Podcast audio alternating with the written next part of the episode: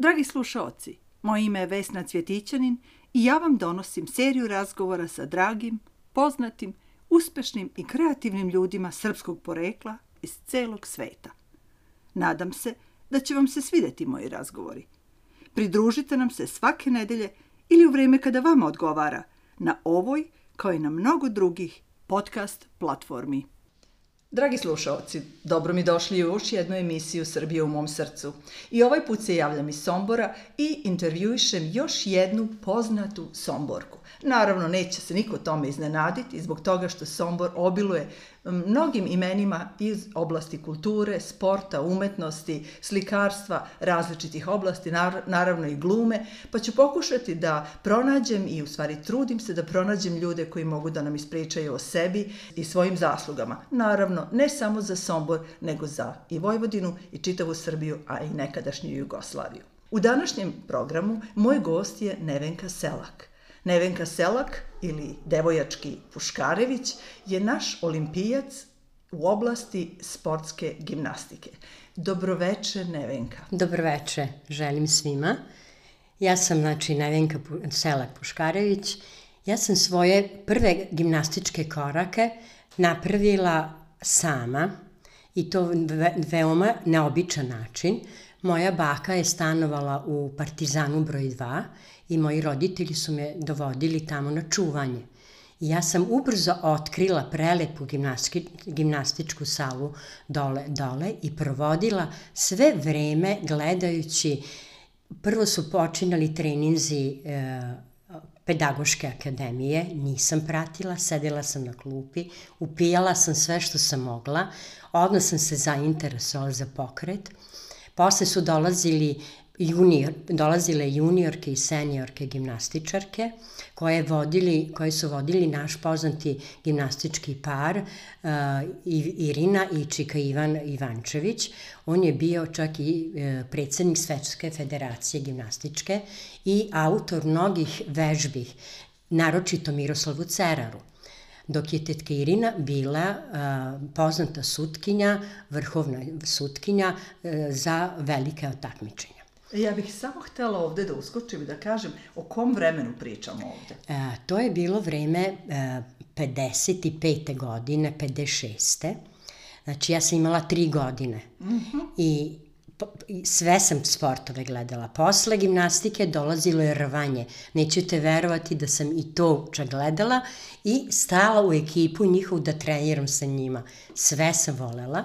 I onda mi je mama jednog trenutka rekla, znaš Neno, ne možeš više da, da treniraš sa rvačima, opredeli se, ili ćeš gimnastiku ili, ili možda samo da gledaš. I ja sam rekla gimnastiku. I ja sam tako jedno mesec dana tri, gledala samo i kad su odlazili tak, ovi tren, uh, gimnastičari kući, ja sam sama pokušavala da uradim nešto od toga što sam ja mislila da mogu. Videla. I radila, radila i moja baka jedno veče primeti da je to nešto dobro što ja radim i obratila se Čeka Ivanu Ivančeviću sutra dan i zamolila ga da dođe da vidi šta njena unuka to radi, njoj se čini da je to dobro. I on je stvarno kroz jedno prozorče gledao i rekao je da je to neverovatno. Ko je nju to naučio? Kaže, baka, ona je sama, sedim, verujte, danima, do uveče. Zove me samo na ručak večeru i ona to uradi koliko vidi. I on je prišao meni i rekao, da li bi ti da pristupiš mojoj ekipi, a ekipa je bila seniorke i juniorke, već devojke 16-18 godina. De, ja kažem, hoću, a šta ću ja da radim? Pa da vežbaš. Tu a koliko ste godina tada pa imali? Pa, to, pa tad sam tu bila između 3 i 4. Nisam ja baš tako mm -hmm. rečito to govorila, ali mi je pomogla baka mm -hmm. tim rečima da ja hoću i tako. I onda sam o, svako veče dolazila na njihove treninge i bila njihova maskota. Brzo sam sve učila jako, bila sam lagana, razgibana. I onda se Partizan 2 uskoro ubrzo zatvorio i cela gimnastika, svi gimnastičari su prešli u Partizan 1, to je sadašnji Sokolski dom. Tamo je bila samo čisto gimnastika. I tu su bile i devojčice pionirke. I ja sam bila u njihovoj ekipi. Ja sam bila sretna što imam drugarice, što mogu sa svojim uzrastom da vežbam. Ja sam, verujte, užasno napredovala. To je svaki dan po 5-6 elemenata. Vežbe sam pamtila. Prvo takmičenje mi je bilo u Subotici, imala sam 6 godina. To je bilo prvenstvo Vojvodine ja sam osvojila prvo mesto. Ja uopšte, i to je meni sve bilo igra u početku. I ja nisam... Vi se sećate toga, ne? Ja ste to, ovog se sećam, što ja, pričam sigurno. I kad je bio kraj takmičenja, ja sam se pored jezera Paličkog na pesku igrala. Svi su čekali rezultatu i ja sam se igrala. I samo sam osetila da su me dva čoveka podigla i stavila na postolje, jer su me prozivali Nevenka Puškarević je prva. E, Ali tako, Nevenka se igrala da, u pesku. a ja sam se igrala. tako da meni stvarno u početku bila igra. Možda mi je zato, nikakvog nije bilo pritiska. Ja sam to ja sam obožavala gimnastiku. Mm -hmm. Ja sam kući, pa čim ustanem, probala, radila. I, kažem, puno su mi pomogli Ivančevići, njihov mhm. uticaj mm -hmm. i njihov smer kuda, kako da radim i pronašli su mi čak i trenera, pošto oni nisu mogli da me vode stalno. O, zvao se Stevan Mađar, bio je dobar gimnastičar prvog mhm. Jugoslavije. Ovde u Somboru, u Somboru da. I on me je vodio, sorry, vodio je celu, celu ekipu, bilo je nas desetak. Onda smo išle na uh, republičko takmičenje, tu su bile ekipno prve i pojedinačno sam, opet ja bila prva, to je bilo oko 12 godina smo imale. Uh -huh. E, mhm. dolazi pubertet. Kad ta odricanja, treba to moći svako da uradi, da se odrekne i druženja, i izlazaka, i bioskopa, i treba samo da vežba gimnastika, veoma teška i težak i zahtevan sport. I na kraju, za jedno tri godine, ja sam ostala sama u sali. Do sada ste nam, Nevenka, pričali o tome kako su, kakvi su bili počeci vaših sportskih e, zanimanja i uspeha, a u ovom delu bih volala da čujemo o tome gde ste, kako su počela takmičenja, čuli smo o vašoj prvoj pobedi u, Subotici i kako se to sve razvijalo. Pa znate šta, počela sam puno više da vežbam.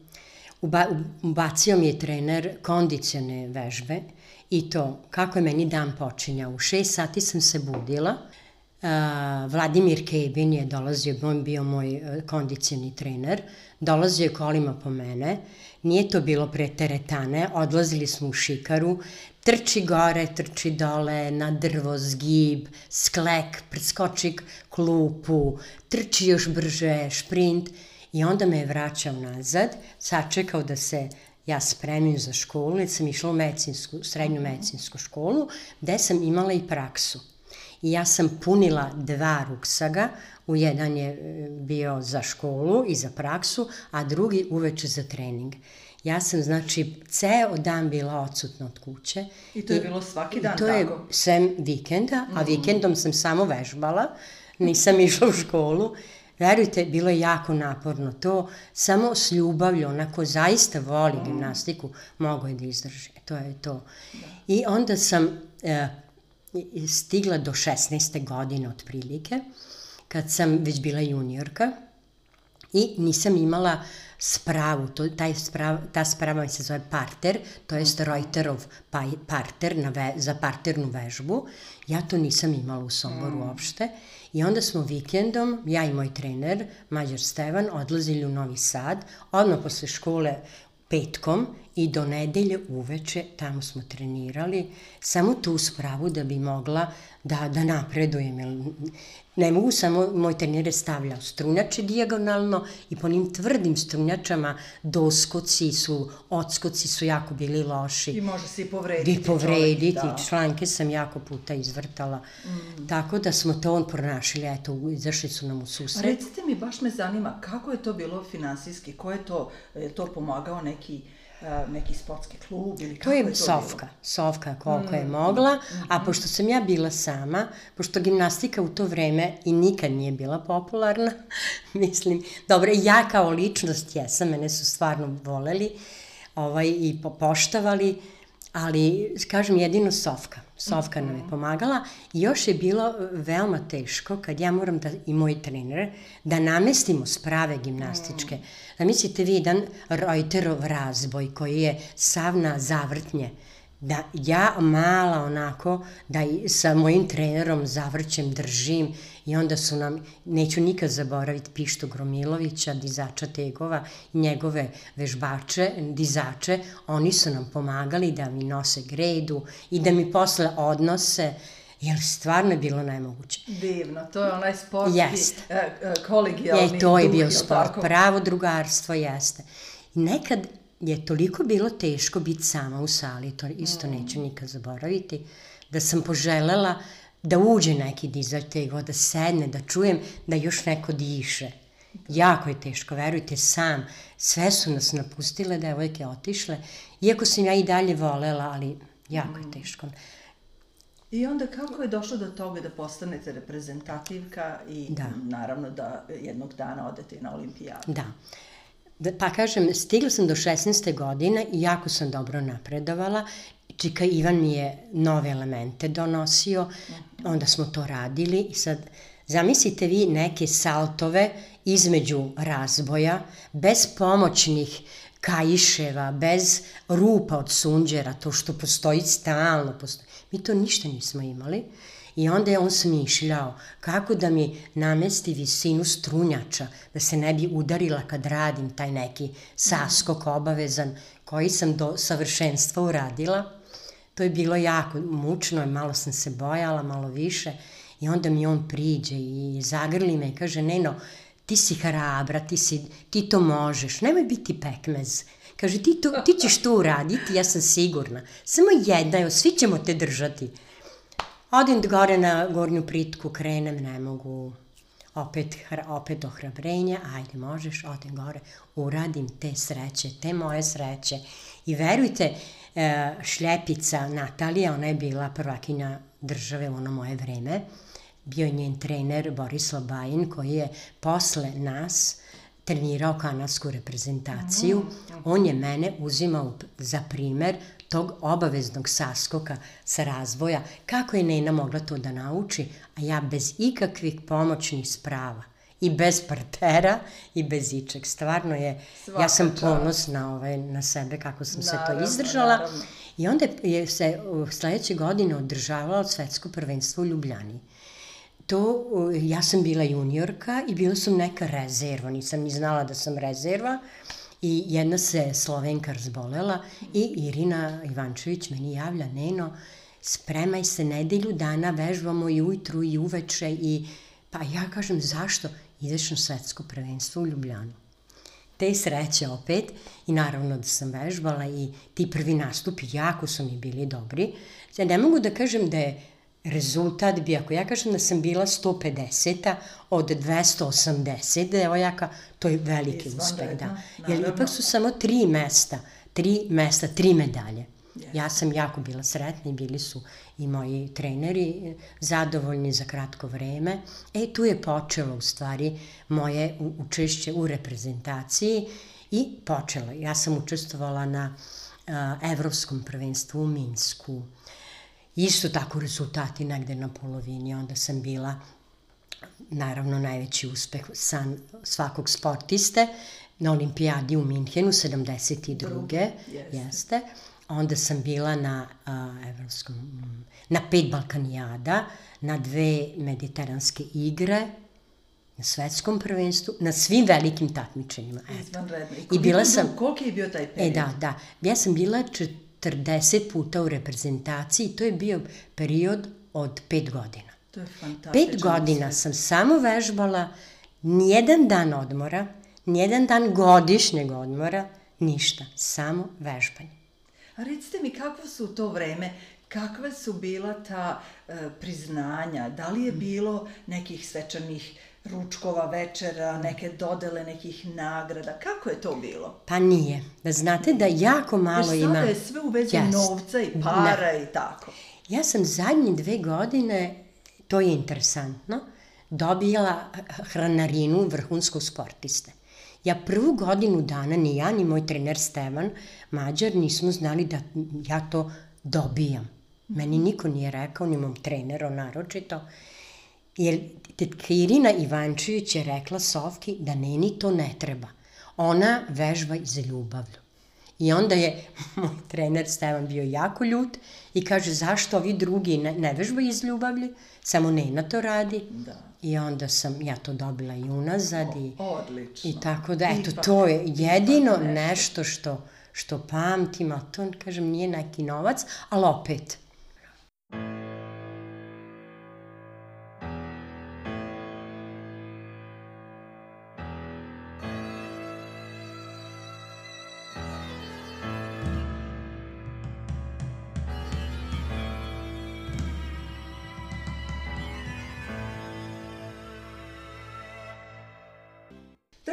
slušalci, evo nas u trećem delu našeg razgovora sa Nevenkom Selak, Puškarević. I meni je jako drago da smo čuli o tim a, zaista srčanim i iskrenim danima u kojima je Nevenka iz, iz, iz ljubavi prema sportu i sportskoj gimnastici e, došla u reprezentaciju i nastupala na jako puno, eto 40 i nešto a, različitih prvenstava i takmičenja.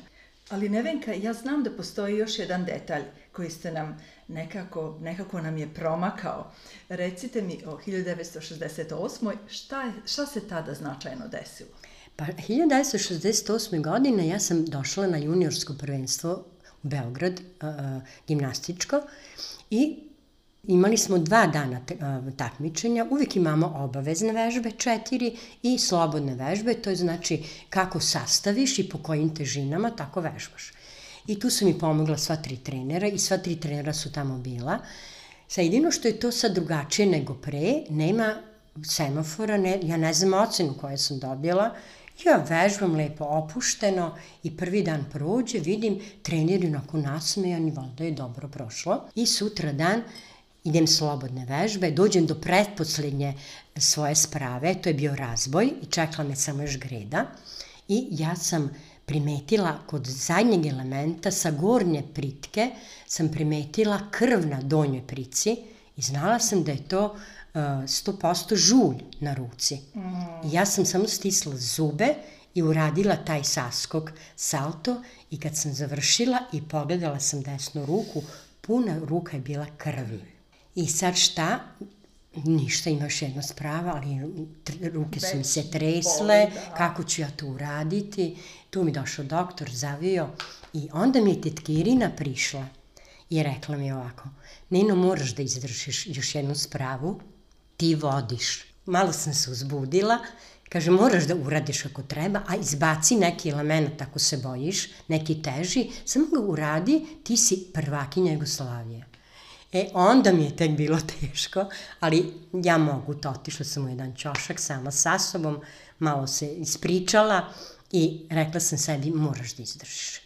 I ja sam uradila perfektno, malo u sebi sam se tresla i prozvana naravno kao prvakenja Jugoslavije. E, onda su počeli da novinari, neki treneri da me traže, da me zovu na treninge. Borislav Bajin, taj što je bio uh -huh. trener Kanade, on me je zvao jedan vikend da dođem kod njega i kod njegove žene sadašnje, uh -huh. šlepice da treniram. To je bila velika čast za mene. To neću Divno. nikad zaboraviti. Divno, Eto recimo. prvakinja Jugoslavije, da, svaka velike čast. Jugoslavije, jeste. Eto, to je to. Nevenka, u ovom delu i bližimo se nekako onom poslednjem delu emisije, recite nam sada kako je bio život i kakav je život posle takmičenja bio? Falilo je. Gimnastika je jako falila, jako, ali zahvaljujući mom sadašnjem mužu koji me pratio, znao me, podržao me je debelo i počela sam da se bavim fitnessom. Počela sam se baviti fitnessom i tu sam se malo oporavila i jako puno sam žena i oporavila i njih mm -hmm. i puno smo vežbale, jako. Priredbe smo pravile za nas same, puno drugarstva i druženja smo tu napravili. I to sve u Somboru, Sve tako? u Somboru, u Skopljanskoj ulici je bio najbolji fitness klub. To, to sam vodila ja i moja A čerka. recite, kad je, koje godine je to bilo? Mislim, verovatno je bilo Da. ono kad ste završili takmičenje, to je Da, bilo da, u da. našim 20-ima, Da. a onda recimo taj period, uh, jeste vi postali Pa, dve medicinska trudnoće, sestra ili da. ako ste se to, ste, ste školovali za to, je li tako? Jeste. Pa to je bilo tu otprilike posle mog završetka jedno 10 godina. Mm -hmm. Sad tačno. Mm -hmm. Znači dve trudnoće? Da, dve trudnoće, sina i čerku. Čerku, divno. Jeste, isto su sportisti. Tako da sad nisam tačno razmišljala kad je to bilo brzo. Mm -hmm. Samo pauze u da, trudnoći. Da. I kad kažete fitness sa ženama, je da. to bilo, kako je to izgledalo? Šta je to Znate, bilo? Kao da. neke, neke da, da. vežbe za, ra, za razvijanje određenih delova tela? Da, da, da. Recite Jeste, ja sam radila uvek cele miš, celo telo, mm -hmm. od glave do malog prsta na nozi. Mm -hmm. To je moj bio onako način, ne, idemo danas ruke, idemo danas stomak, ne. Puno ve, jačanje mišića, puno strečinga. Strečing to vam je, to su vam zdravi mišići. Jeste, Onda sam, da. pošto moja čerka u Kanadi je vodila, u Good Life-u vodila jako dobar fitness i onda sam je od nje -hmm. u Savjezu. Nije dobro, sad smo skočili da, u da. Kanadu. Da. Recite mi kako se, šta se, ukratko, šta se tu desilo? Znači, deca su otišla u Kanadu, je li tako? Da, čerka je u Kanadu, sin je u Ameriku, Aha. sin je uh, teniser, uh, trener teniski, Čerka je počela da, da vodi fitness mm -hmm. i jako su se bili zadovoljni. Ona je jako graciozna ili je bila ritmička gimnastičarka. Aha. Puno je radila pilatesa, body flow-a, a to je 80% joge. To je jako lepo radila i onda posle raširila. E, došlo se njoj dvoje dece, ne može to stići uveče, tako da ona sad radi za sebi sa svojim drugaricama kući, u, u svojoj kući u podrumu dole, a sam uzimala program njen. Mm -hmm. Jako je dobar program. E, sad me zanima da kažete par stvari, recimo tri, četiri poruke e, našim slušateljkama i ne samo slušateljkama, nego i muškarcima, mm slušalcima, šta bi moglo kod kuće da se onako jednostavno radi, a da pri tome obezbedimo sebe i svoje jest, telo i razvoj jest. dobar. Pa znate šta, ja, po meni najbolje se radi pilates. Mm -hmm. To su lagane vežbe, I, I puno ima i strečinga i jačanja mišića, može se koristiti lopta, mogu trake, može, mogu male bučice od kilogram, da ima to program, to na internetu se nađe. Po meni je to dobro i body flow. Mm -hmm. jako dobar. Mm -hmm. Kažu, žene, to je lako. Šta se time postiže? Da, postižu se jako zdravi mišići, elastični. Mm -hmm. Možete raditi te dve vrste vežbi, možete raditi do kraja života. Do kraja života. I dobro, elastični mišići nam daju e, bolji oslonac sa da, kostima, da, je li tako? Da. Kako starimo, naravno, Jest. kostima treba bolja Jest. podrška. E, recite nam malo o tome, da li se to ne kombinuje sa ishranom ili... Pa, sa ishranom sve ide, svako vežbanje ide i sa ishranom. Ne može, dođe, dođu devojke kod mene, pa kažu, znate šta, Neno, ja bi za mesec dana da skine malo tu, malo tu. E, ja kažem, znaš šta, ne možeš tako da vežbaš, ili sačekaj čeka mi da se lipo ispričamo na kraju treninga, da te ja posavetujem, da ti moraš da, ako si danas rešila da vežbaš, da vežbaš do kraja života. Ne može to tako. Tako da ja i dan danas vežbam, isto, 70 godina, ja vežbam i mogu jako da, dobro da vežbam. I divno izgledate vitalno, da, eto sad naši slušalci ne mogu da vas vide, hvala ali niko vam ne bi dao tih 70 pa, vežbanje, godina. Vežbanje yes. i duh i, i dobar brak, dobra deca sve to yes. doprinosi. I čovjek ono. treba da bude zahvalan I na svemu tome što mu yes. je i dato, a onda i sam da se yes. trudi da, da ceni. Yes. Tako je. Draga Nevenka, hvala vam puno što ste bili gost u mojoj emisiji. Hvala i vama. Jako mi je drago da smo uspeli da malo popričamo o toj prošlosti, o tim simpatičnim početcima koj, u kojima vas je vaša baka podržala, yes. pa onda svi dobri ljudi uz, uz vašu yes. karijeru i naravno sada kada su i vaša deca odrasli ljudi i isto se tako time bave. Hvala vam puno i bih, želim vam puno uspeha Hvala i lepo, puno zdravlja i puno sreće. Hvala lepo.